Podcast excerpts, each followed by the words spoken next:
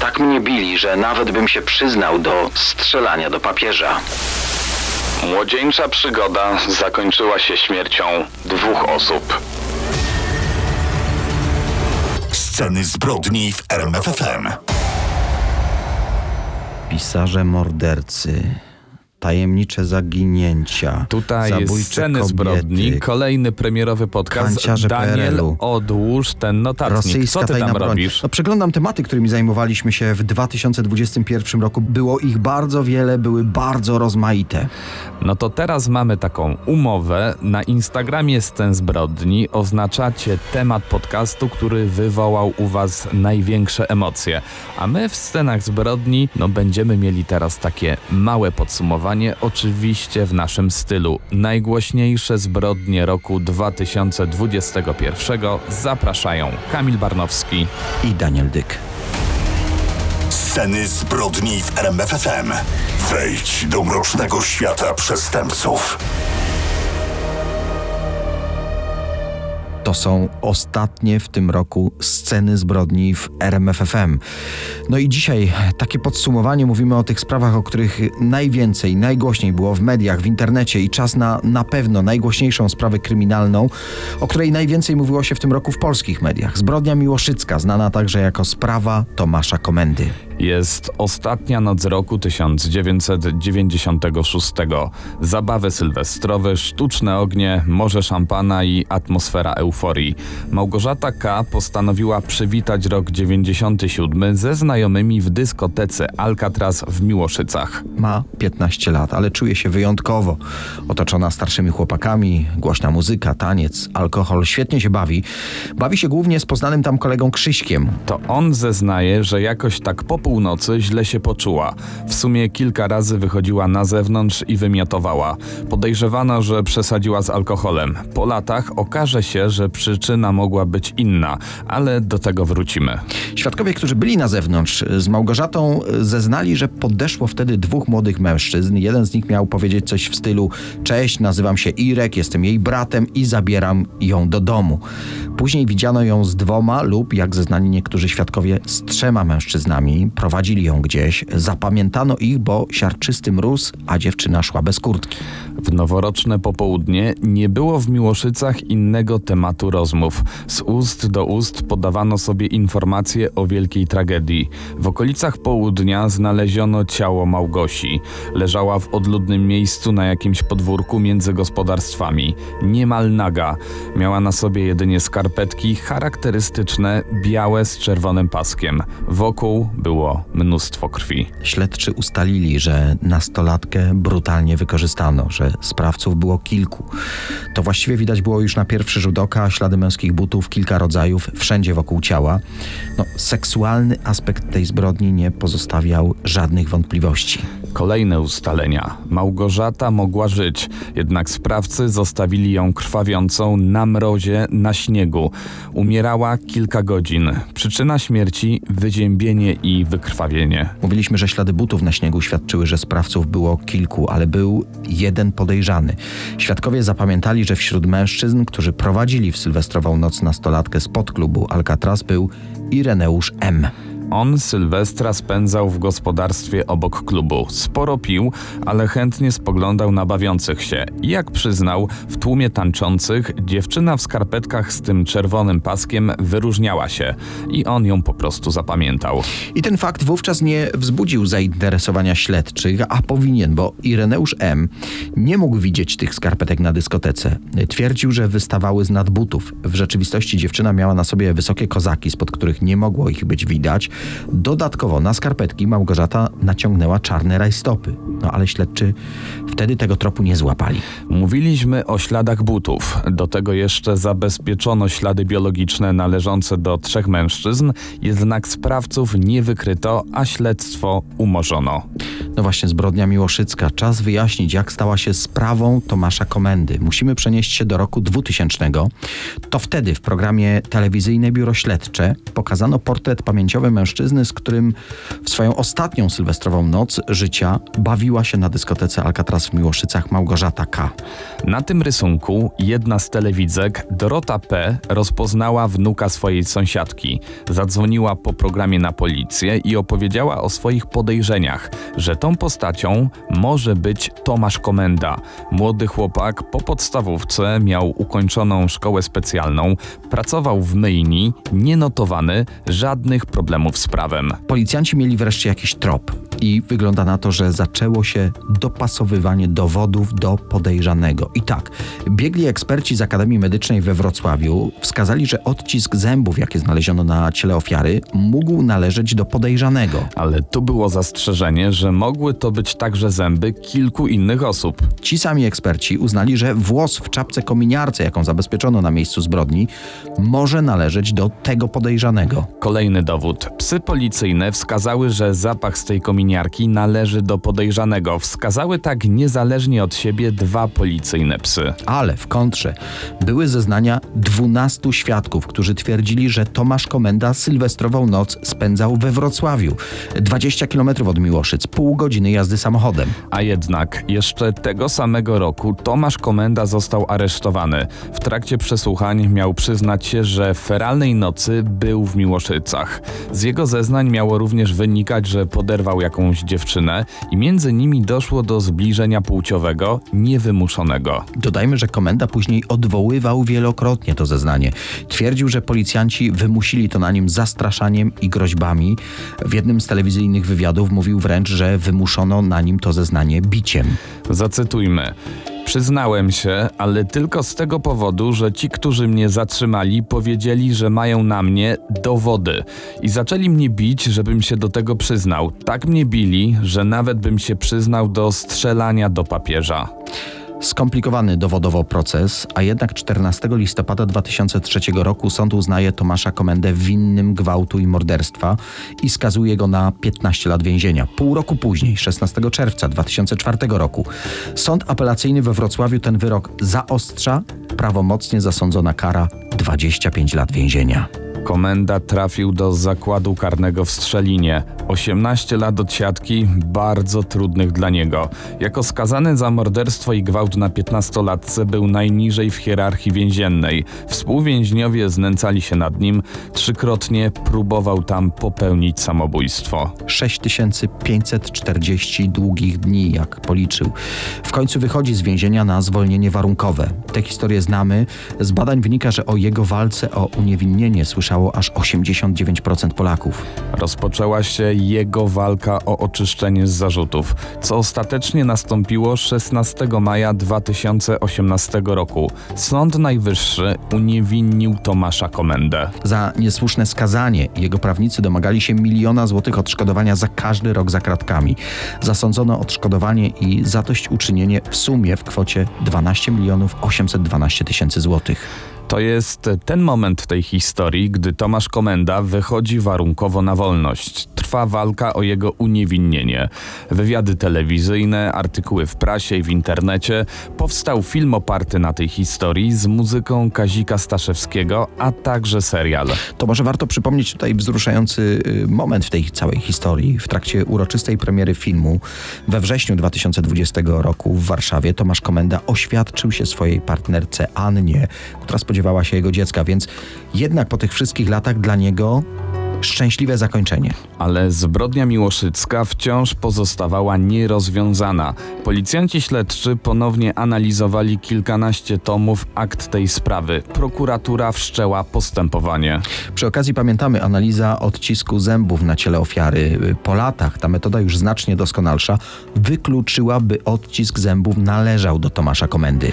Ustalono również, że czapka, kominiarka znaleziona na miejscu zbrodni nie należała do komendy. Do tego i jego udziału w tej zbrodni nie potwierdziły analizy DNA, których w momencie jej popełnienia po prostu nie było. Także analiza włosów i innych zabezpieczonych śladów wskazała na udział innych osób. Warto tu wspomnieć, że w zagadkowych okolicznościach giną jeszcze dwie osoby związane ze sprawą miłoszycką.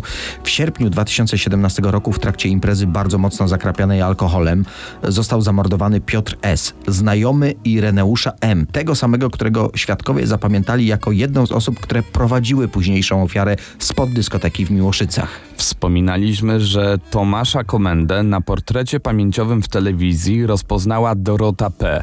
Kobieta zmarła w czerwcu 2018 roku. Miała skarżyć się, że jest szantażowana przez policjantów, dlatego okoliczności jej śmierci były przedmiotem różnych spekulacji. Wspomnieliśmy, że znani są już sprawcy tej tajemniczej przez tak wiele lat zbrodni. W czerwcu 2017 roku jako podejrzanego wytypowano wspomnianego już Ireneusza M.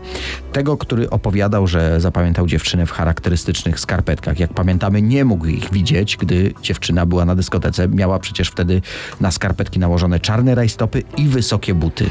Tym razem wzięto pod uwagę, że parokrotnie skazywano go za gwałty, a kluczowe okazało się badanie DNA z materiału biologicznego, jaki zabezpieczono na znalezionych na miejscu zbrodni dowodach. Tak, wyodrębniono je z sukienki ofiary, jej bielizny, zegarka, łańcuszka i włosów. Jak to określono, dowody są ekstremalnie mocne w przypadku Norberta B. i dowody są bardzo mocne w przypadku Ireneusza M. Obaj nie przyznawali się do winy, sąd jednak uznał, że to oni w porozumieniu brutalnie i ze szczególnym okrucieństwem wykorzystali dziewczynę, zostawili ją nagą, wykrwawiającą się na śniegu i mrozie, a sami wrócili na dyskotekę. Obiecaliśmy jeszcze wyjaśnić jedną sprawę. Dziewczyna źle się poczuła po północy. Wychodziła z dyskoteki kilka razy i wymiotowała. Przesadziła z alkoholem, no tak się powszechnie uważało. Jednak, gdy ponownie wrócono do tej sprawy, w 2017 roku prokuratura zarządziła ekshumację zwłok dziewczyny i wówczas biegły wykrył w szpiku kostnym Małgosi związek chemiczny, który znaleźć można w lekach przeciwpadaczkowych i przeciwdepresyjnych. Gdy zmiesza się go z alkoholem, ma działanie podobne do tak zwanej pigułki gwałtu. Wszystko wskazuje, że podejrzani mogli podać środek dziewczynie w trakcie sylwestrowej zabawy. We wrześniu 2021 roku Sąd Okręgowy we Wrocławiu skazał wspomnianych mężczyzn za gwałt oraz zabójstwo 15-letniej Małgorzaty. Obaj otrzymali 25 lat pozbawienia wolności. A kilkanaście dni temu zakończył się proces odwoławczy. 1 grudnia Sąd Apelacyjny we Wrocławiu podtrzymał wyrok skazujący 25 lat więzienia dla Ireneusza M., a Norbertowi B. wyrok złagodzono do 15 lat więzienia. Orzeczenie jest już prawomocne.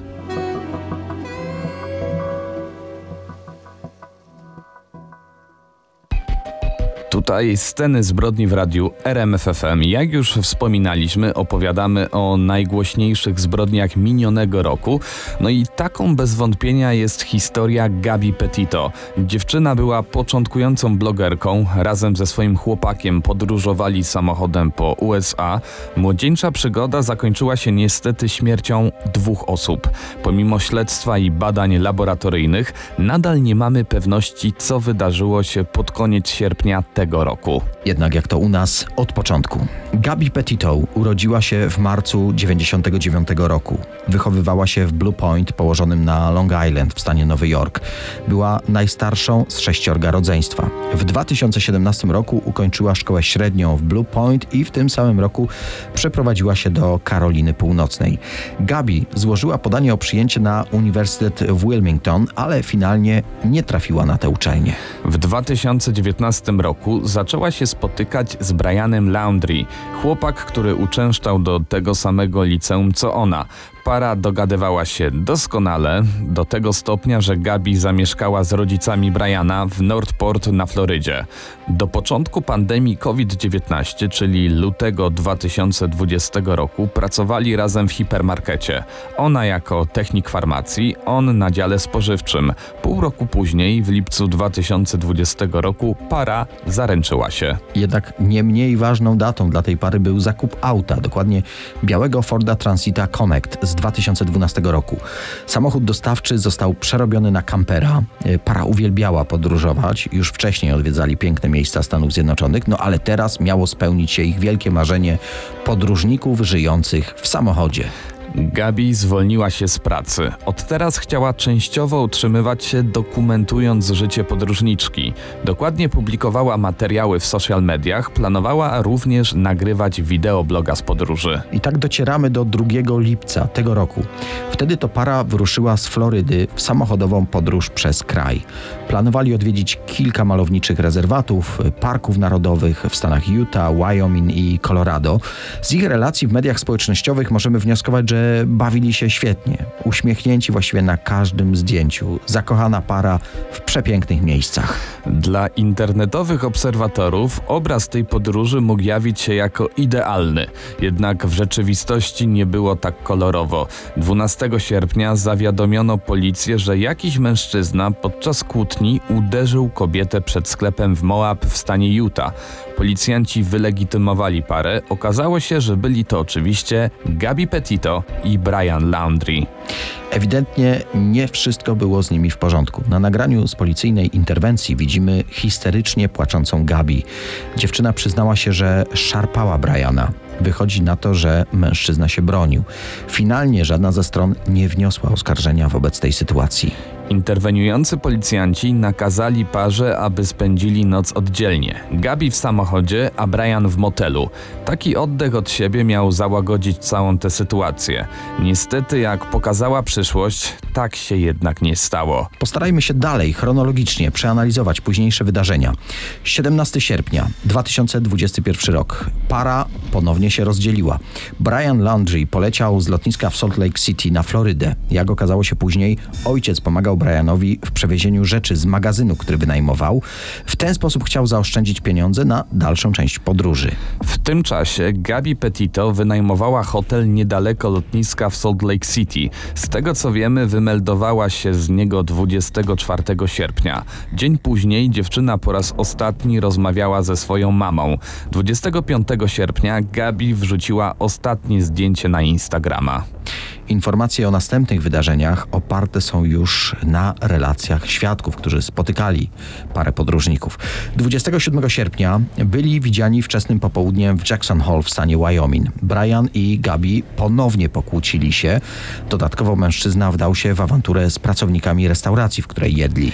Tego samego dnia inni blogerzy podróżnicy zauważyli samochód Gabi Petito w okolicach Parku Narodowego Grand Teton w Wyoming.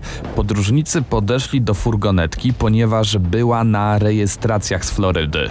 Sami pochodzili z tego stanu, więc chcieli się po prostu przywitać.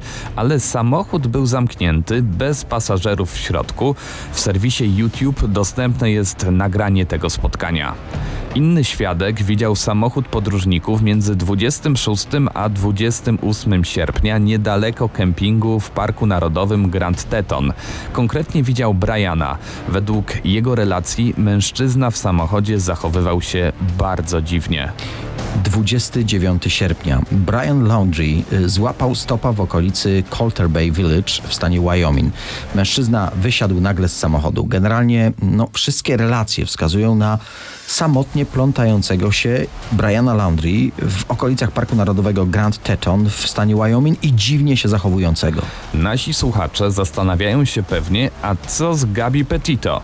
29 i 30 sierpnia z telefonu dziewczyny wysłano wiadomości do jej mamy.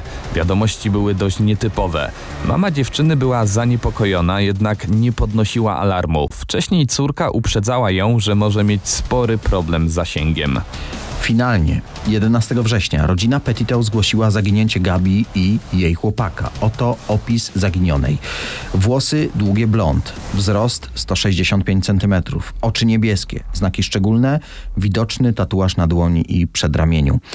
FBI wspólnie z władzami Parku Narodowego i Biurem Szeryfa Hrabstwa Teton i Departamentu Policji Jackson zwraca się o pomoc do każdego, kto korzystał z obszaru kempingowego Spread Creek w dniach 27-30 sierpnia 2021 roku i kto mógł mieć kontakt z Gabriel Gabi Petito lub mógł widzieć jej pojazd.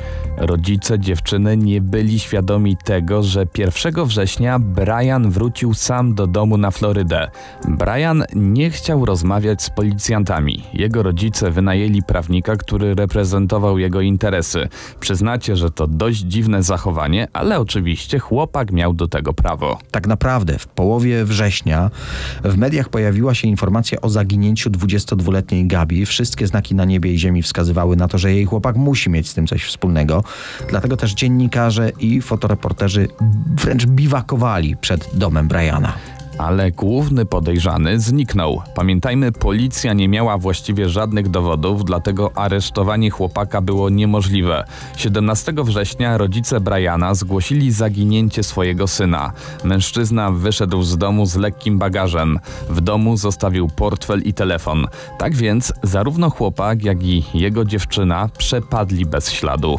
I tak pozostawało do 19 września.